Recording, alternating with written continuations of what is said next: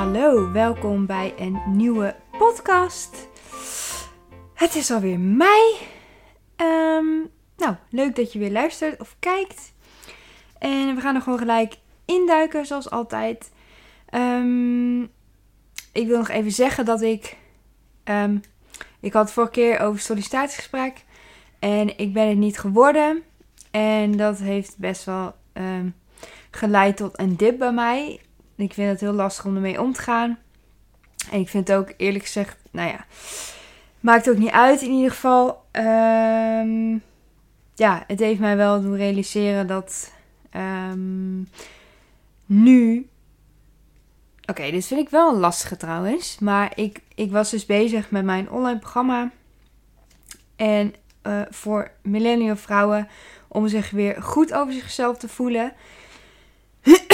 Maar alles in mij zegt nu eigenlijk dat ik, om mezelf goed te voelen, dat dat online programma zoals ik in, in gedachten had, dat dat het niet is. En ik zeg niet dat ik geen online programma maak. Dat, ik zeg niet dat het aan het online programma ligt. Maar ik zei het vorige keer ook al een beetje van dat ik meer mijn creativiteit kwijt wil. En daarom, ja, ik wil zo graag meer financiële onafhankelijkheid.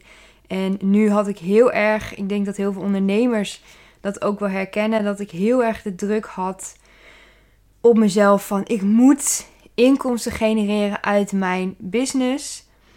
Dat moet gewoon, want ik voel me nutteloos als ik dat niet doe. En dat ben ik nu een beetje aan het loslaten. Ik had zo erg gehoopt op die baan dat dat mij iets meer rust ging geven. Dat ik inderdaad naast die baan. Want ik ga dan voor maximaal drie dagen, omdat het voor mij gewoon echt genoeg is mentaal gezien. Dat is gewoon echt de max. Misschien dat ik het later ooit kan gaan uitbouwen, maar voor nu is echt gewoon drie dagen de max. Um, en ik had zo gehoopt op die baan dat ik dus meer financiële vrijheid heb om um, meer rust te ervaren in wat ik dus mijn, met mijn crea creatieve kant wil doen. Maar ja, dat is dus niet gelukt. Alleen, ik heb me dus wel gerealiseerd dat ik die druk nu ook niet hoef te ervaren. Dat het. Kijk, natuurlijk wil ik die financiële vrijheid en wil ik me nuttig voelen en wil ik bijdragen in deze maatschappij. En voel ik me heel schuldig over dat ik dat nu niet doe. Maar aan de andere kant weet ik ook dat ik niet mijn, mijn wel me nuttig kan maken als ik die druk voel dat het dus sneller moet en dat het dus allemaal nog niet goed genoeg is. Dat maakt dat ik dus juist weer blokkeer en dat maakt dat ik dus juist niet kan doen waar ik goed in ben en daarmee andere mensen kan helpen. Ja, het is een beetje moeilijk uit te leggen misschien, maar ja, ik heb me dat wel gerealiseerd van ja, dat ik, dat ik er minder druk op moet leggen. Dat ik per se inkomsten wil halen uit wat ik dus nu allemaal doe. En ik wil me toch meer focussen, echt meer op mijn creatieve kant. En ja, daar de focus op leggen eigenlijk, ongeacht of ik daar dan geld mee ga verdienen of niet. En um, ja, over die baan, daar heb ik ook even moeite mee om daar weer positief in te staan. Ja, die afwijzingen die doen gewoon pijn. Dat is gewoon, dat is gewoon wat het is. Dus dat vind ik wel lastig. Als je kijkt, dan zie je dat, dat ik het lastig vind, denk ik. Weet ik niet of ik het. Ik merk gewoon aan mezelf dat ik er wel emotioneel van word. Dat ik merk van ja, dit vind ik echt niet leuk. dus dat. Maar goed, we gaan naar het eerste onderwerp wat ik heb opgeschreven. En ja, daar vind ik dat het nu past niet bij waar ik nu zit. Dus dan ga ik. Ja, dit is wel een goede trouwens. Tips aannemen. Van wie wil je tips? En dat heb ik nu, daar loop ik nu wel, of loop ik tegenaan, maar dat, uh, dan ben ik de laatste tijd, ben ik, valt het mij op dat heel veel mensen geven heel goed bedoeld natuurlijk heel veel tips. Bijvoorbeeld over mij van waar ik werk moet gaan zoeken of wat ik moet doen om werk te vinden of dingen die ik allemaal wel weet. Alleen ik voel me dan heel verplicht om met die tips ook daadwerkelijk iets te gaan doen. Of van, oh, is dit niet wat voor jou? Is dat niet wat voor jou? Terwijl ik weet dat, dat het niet voor mij is. Want ehm, ja, ik weet gewoon dat ik bijvoorbeeld. Um, nou ja, ik weet dat het niet voor mij is. Maar toch wil ik niet de ander teleurstellen. Of teleurstellen. Nu vul ik het gelijk in voor de ander. Als ik zeg van nee, dit is niks voor mij, dan is de ander heus niet teleurgesteld. Dat maak ik er dus zelf van. En dat is dus de reden dat ik het dus niet zeg. Dat ik zeg, oh ja, ik ga er wel naar kijken. Terwijl ik weet van of ik ben er nog niet klaar voor. Of het is iets wat niet voor mij is. Wat, wat ik helemaal niet wil bekijken. Ehm, en ik vind dat dus heel lastig. Omdat, uh, ja, om die tips dus af te wijzen eigenlijk. En ik heb dit opgeschreven met een ander, andere, daar bedoelde ik iets anders mee, namelijk van wie wil je tips? Omdat heel vaak krijg je tips van mensen. Bijvoorbeeld bij ondernemers is het dus heel vaak, dan krijg je dus tips of, of commentaar of kritiek van mensen die zelf helemaal geen ondernemer zijn.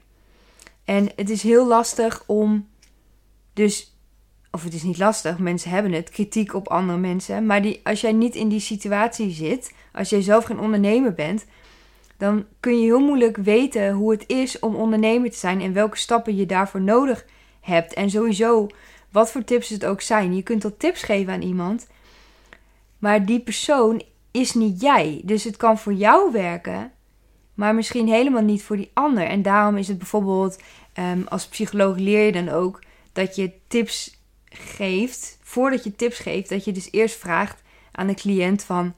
Vind je het oké als ik je wat tips geef? En dat je altijd de keuze aan de cliënt laat of die er wat mee doet of niet. En heel vaak, in ieder geval dat voel ik dan heel snel, dat mensen toch verwachten dat je iets doet met hun tips. Of dat, je, dat ze het niet leuk vinden als je het dus naast je neerlegt. Omdat zij denken van dit is beter voor jou, jij moet het zo en zo doen. En ze bedoelen dat heel goed, want ze willen dat het goed met je gaat en ze willen dat het beter met je gaat. Alleen jij weet zelf het beste wat wel en niet goed voor je is. En soms moet je inderdaad even uit je comfortzone en moet je wel iets doen wat je eigenlijk liever niet wil doen. Alleen heel vaak weet je wel van wat dat is. Ook niet altijd. Dat is wel moeilijk om dit te zeggen zo, maar um, nou, nee, het is niet altijd dat je van tevoren weet of iets goed voor je is of niet. Maar als jij echt in jezelf voelt van nee, dit, dit is het niet, dan is dat heel lastig om dus kritiek naast je neer te leggen. Ook vooral van de mensen van wie je houdt. Omdat je hun ook een plezier wil doen en je wilt ook van hun dingen aannemen. En het kan natuurlijk ook zijn dat je gewoon heel eigenwijs bent en nooit iets van iemand aanneemt. Ja, dan is er misschien voor jou iets om aan te werken. Van andere mensen kunnen ook een goed inzicht hebben. Bekijk het eens van de andere kant. Dat kan je heel veel inzichten geven. Dat kan natuurlijk ook weer. Maar het is dus wel zo van kijk wel van wie je tips wil aannemen. Is dit iemand die bijvoorbeeld dus wel een succesvol ondernemer is en die tips aan jou geeft als ondernemer van ik zou het zo en zo doen, dan is dat misschien wel iets waar je naar wil luisteren. Alleen is het iemand die al jaren in loondienst werkt en uh, geen idee heeft wat ondernemen eigenlijk inhoudt en welke kritiek hij heeft op hoe jij het aanpakt, dan is het misschien, dan kun je wel kijken vanuit die ander het oogpunt en misschien doe je daar wel goede inzichten uh, uit halen. Alleen is het misschien niet dat je alles blindelings moet gaan volgen als je, ja, dat denk ik. En soms is juist een frisse blik van iemand die dus niet ondernemer is, juist heel goed. Misschien als je inderdaad al langer ondernemer bent, dat je dan op, op een gegeven moment een frisse blik, dat dat wel fijn is. Maar als je bijvoorbeeld beginnend ondernemer dan is alles voor jezelf al nieuw. Dus dan, nou ja, in ieder geval, het gaat niet per se over ondernemers, maar gewoon alles in je leven waar iemand dan kritiek op heeft. Of kritiek, ja, ik zie dat dan weer gelijk als kritiek. Dat is misschien ook mijn ding. Dat ik gelijk een feedback of tips dat ik dan, dan gelijk zie als kritiek van oh je doet het dus eigenlijk niet goed. Want iemand wil dat je het anders doet of wat dan ook. Dus dat is, dat is hoor ik opeens mezelf zeggen. Denk oh ja, daar zit misschien van mij dan weer iets, ehm, een soort onbewuste patroon wat ik heb. Waardoor ik dus dat gelijk als kritiek zie en daarom ook minder snel dingen aanneem van anderen. En ja, ik vind het bijvoorbeeld ook heel eigenlijk vervelend. En ik vind het ook vervelend om dit te zeggen, omdat iedereen dit natuurlijk kan horen.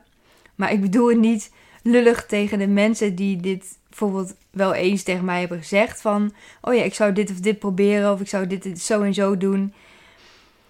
Uh, dus zo, ik bedoel het niet uh, persoonlijk of... Uh, want ik weet dat het vanuit een goed hart altijd komt. Maar ik vind dat heel vervelend als mensen dus een soort van mee gaan bemoeien. Van, oh ja, je moet daar en daar even kijken en deze site en dit. En denk ik, ja, ik, ik kijk daar wel zelf op als ik er klaar voor ben, zeg maar. Op dat moment, als iemand het zegt tegen mij, dan ben ik er gewoon nog niet klaar voor. Ik heb sowieso al meer tijd nodig om aan dingen te wennen, om dingen te, te verwerken. Kost me sowieso al iets meer tijd. Dus als mensen dan dingen op mij gooien en dan verwachten dat ik gelijk daar iets mee ga doen, ja, dat gaat bij mij gewoon niet. Gaat gewoon niet. dan moet ik ook maar accepteren. Dus tips aannemen sowieso goed om dingen vanuit een ander oogpunt te bekijken. En het ligt eraan wie het is, of je de tips, of je daar ook daadwerkelijk iets mee gaat doen. Sowieso levert het je altijd wat op. Dat je een ander, sowieso een ander point of view van iemand hebt gehoord. Dat is sowieso altijd nuttig. Alleen let er wel op dat je ook bij jezelf blijft en dat je ook dus jouw eigen pad blijft volgen. Ondanks dat mensen dus met die tips een ander pad voor jou uh, uitstippelen. Van oh, je kunt ook dit pad doen. Terwijl je weet dat je op een ander pad zit en dat het het juiste pad is. Nu gaan we wel heel erg in beeldspraak praten, maar nou ja, je snapt al wat ik bedoel, denk ik. Dus ja, dat is wel uh, klaar nu, denk ik. De tips. Dan heb ik nu, ik volg uh, Nienke Plas op YouTube. Die vlogt en uh, doet van alles. En zij is iemand die is echt van het doorknallen en niet piepen. Maar gewoon door en um, altijd vrolijk. In ieder geval, dat zie, je ziet natuurlijk niet alles van haar leven. Dus er zijn echt wel momenten dat ze niet vrolijk is. Maar nu heeft ze dus NPO. Ik weet niet meer hoe het heet. Volgens mij gewoon Diep heet het. Uh, half uurtje, 35 minuten. En zit Nienke Plas uh, midden in de nacht van... Uh, ik dacht van 12 tot 8 uur s ochtends. Of 12 uur s avonds tot 8 uur s ochtends. Zit ze in een klooster. En daar krijgt ze allemaal bezoek van allemaal mensen om haar levensvraag te beantwoorden. En haar levensvraag was: hoe kan ik mezelf meer rust gunnen en waarom gun ik mezelf deze rust niet? Want dat is denk ik iets wat heel veel mensen wel herkennen. En ik vond dat wel heel mooi. Ik noem dit nu omdat ik hier op mijn briefje heb staan: zelfzorg is niet egoïstisch. En ehm, daar moest ik, dus, moest ik dus bij Nienke Plas, hierbij moest ik dus aan Nienke Plas denken, omdat zij dus heel, zij vindt het dus heel lastig om die zelfzorg, om haar dit, om haarzelf het ook te gunnen. Ze wil altijd bezig blijven en nuttig blijven. En ze noemde het ook uh, zelfs een nuttigheidsverslaving. Dat je dus echt altijd bezig wil zijn. Ze zei van als ik drie kwartier heb, dan gaat ze gelijk al denken van hoe ga ik dit invullen? En wat ga ik dan doen? Ga ik dan dit doen? Ga ik dan dat doen?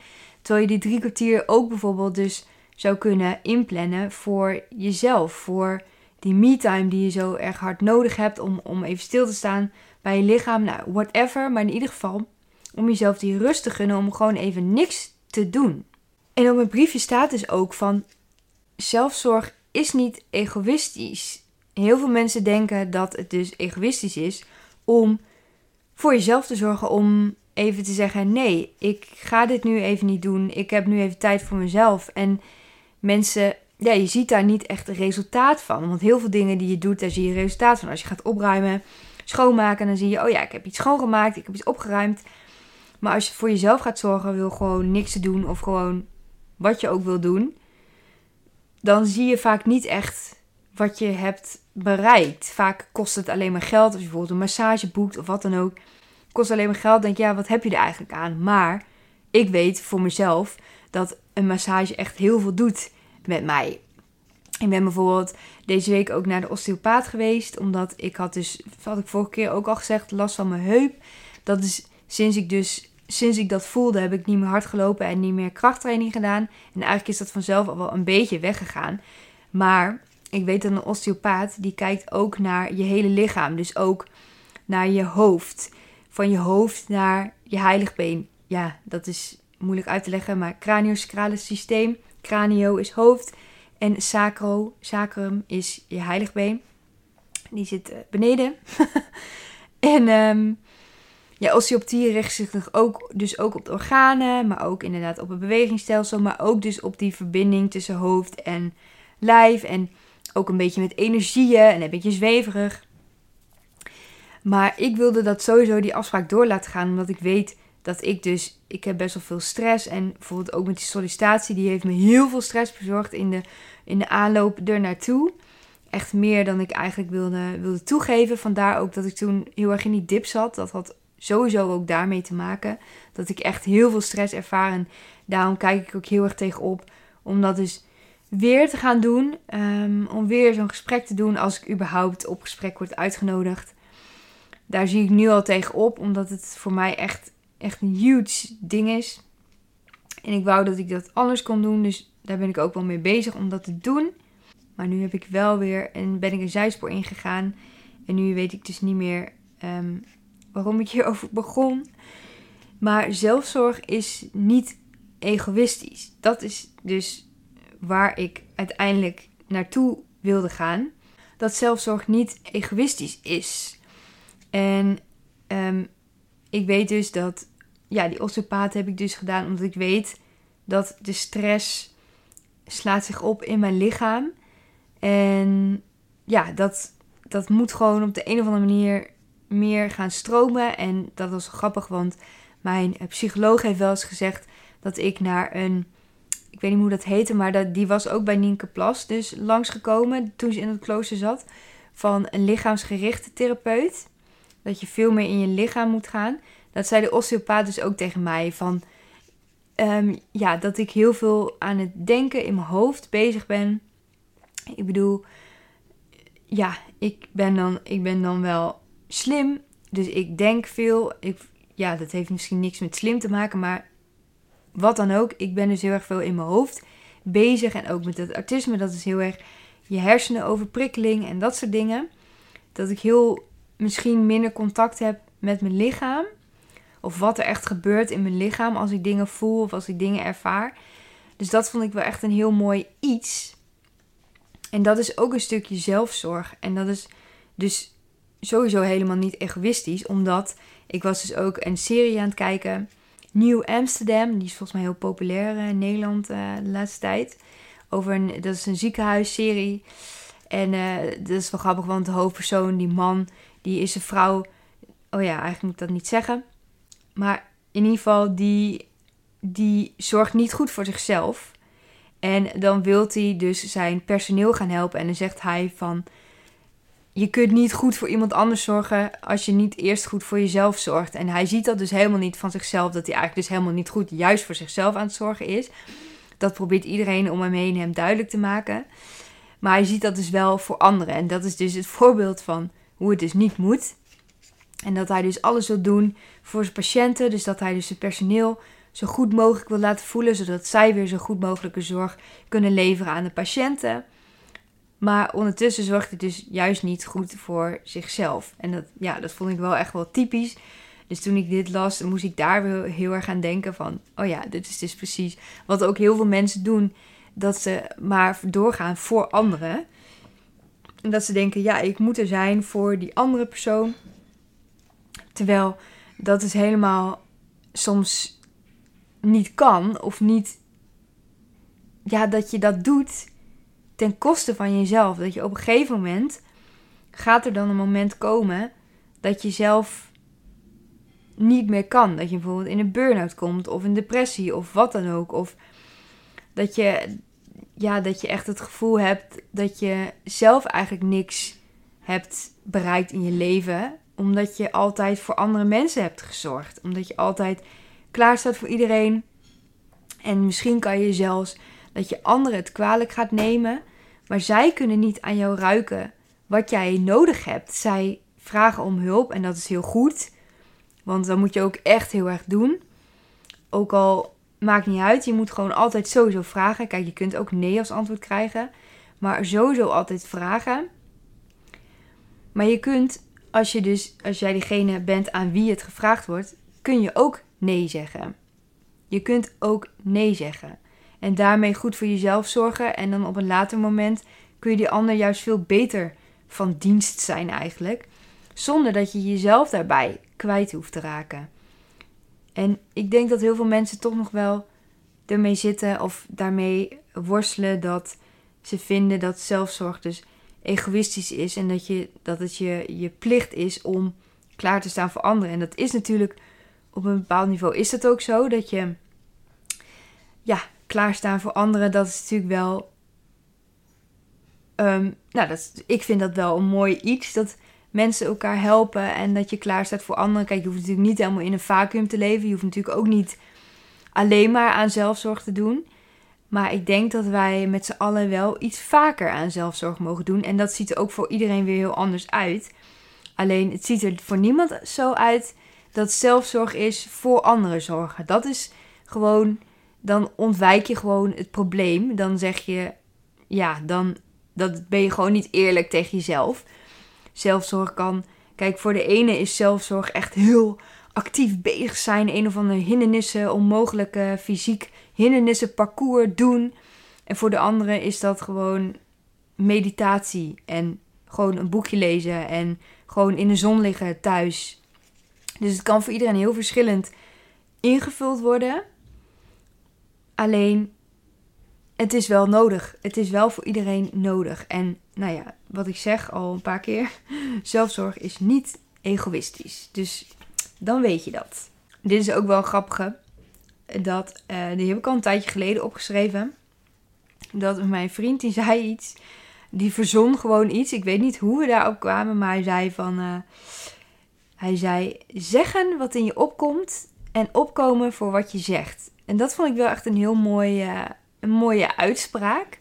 Omdat als je zegt wat in je opkomt, het is belangrijk dat je dingen niet opkropt. En dat is iets waar ik zelf bijvoorbeeld best wel last van heb.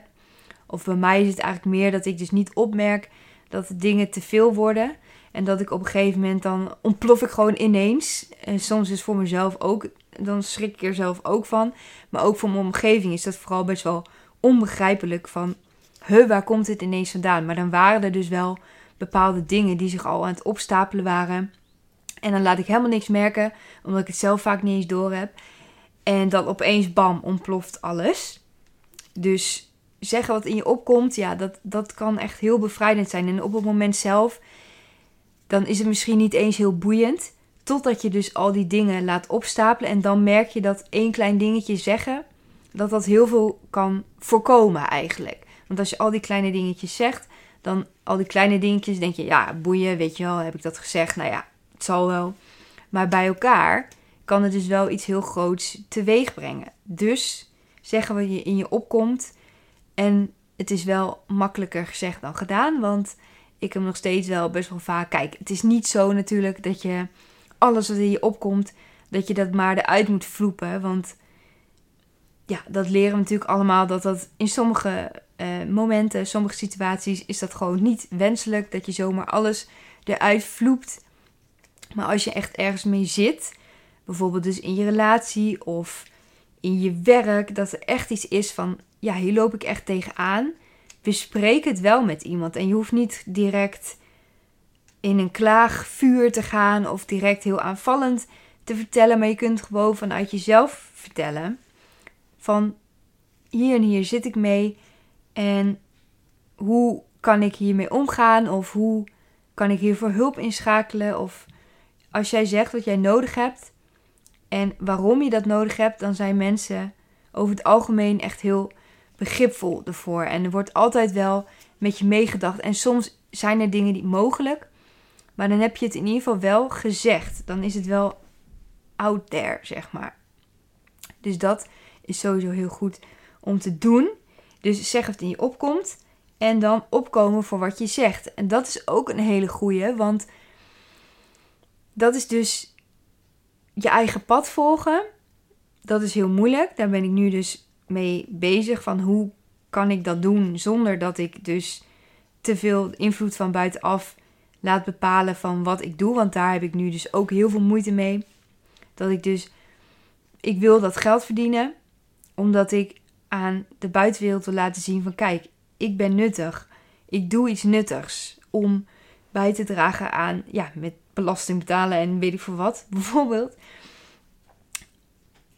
Dat wil ik laten zien. Ik laat me dus beïnvloeden door de buitenwereld. Terwijl het, ik weet dat ik gewoon met die sollicitaties, dat ik daar zoveel stress van krijg, dat het echt gewoon bijna niet te doen is eigenlijk. Maar ja, ik weet dat ik het ook moet doen. Want ja, het is niet dat ik er niet kan. Het kost me alleen heel, heel veel energie en uh, stress. alleen, eh, ik kan het wel. Dus wat ik kan, dat, dat doe ik. Alleen ik weet wel dat ik dus niet meerdere, ja, per week of zo. Of dat ik nu als een gek alleen maar sollicitatiebrieven ga schrijven. Ja, dat, dan, dan kun je me oprapen na een week. Maar je eigen pad volgen, dat is dus wat ik probeer te doen. En het is heel moeilijk om je dus niet te laten beïnvloeden. En het is heel moeilijk om dat pad te blijven bewandelen. Dus opkomen voor wat je zegt. Dus opkomen voor.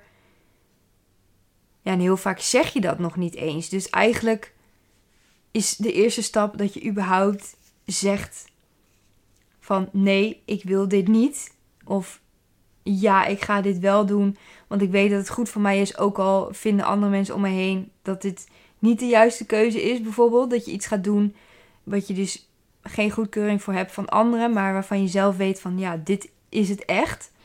En ook al is het het niet en maak je een fout, ja, dan heb je het in ieder geval zelf ervaren dat het het niet was. Maar het is dus heel moeilijk om daar dus wel voor te blijven opkomen. Opkomen voor wat je zegt en ja, ook wat je doet vooral. Dat is denk ik het belangrijkste. Dat je opkomt voor wat je zegt en wat je doet. Dus dat je niet terugkrabbelt en dat je ook zegt wat je doet en doet wat je zegt. Dat dat in overeenstemming is met elkaar. Dat is denk ik ook heel erg belangrijk. Dat je, want dat valt mij best wel op dat heel veel mensen zeggen bepaalde dingen en doen hele andere dingen.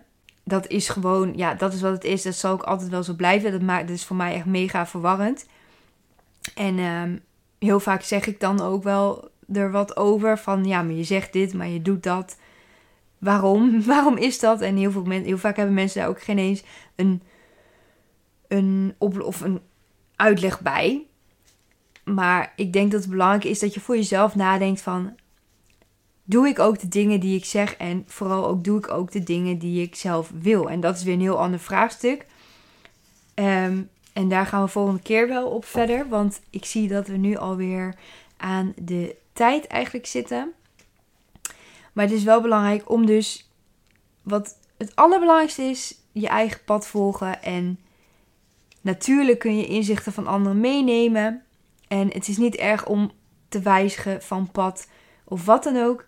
Maar sta er wel echt achter. Ga er wel echt voor 100% voor. En daarom is dus ook dat online programma. Ik sta er niet 100% achter. Dus ik weet gewoon dat. Ik kan niet opkomen voor wat ik zeg. Ik kan niet staan voor wat ik zeg. Dus ik ga kijken of ik op een andere manier kan doen. Waardoor ik er wel met de 100% voor kan staan. Dus daar ga ik mee aan de slag. Ik hoop dat jij uh, weer inzicht hebt opgedaan uit deze podcast en dat, het, dat je het leuk vond om te luisteren. Ik ben heel blij met alle reacties die ik krijg erop. Vind ik echt hartstikke leuk. En dan spreek, zie je me de volgende keer weer. Doei!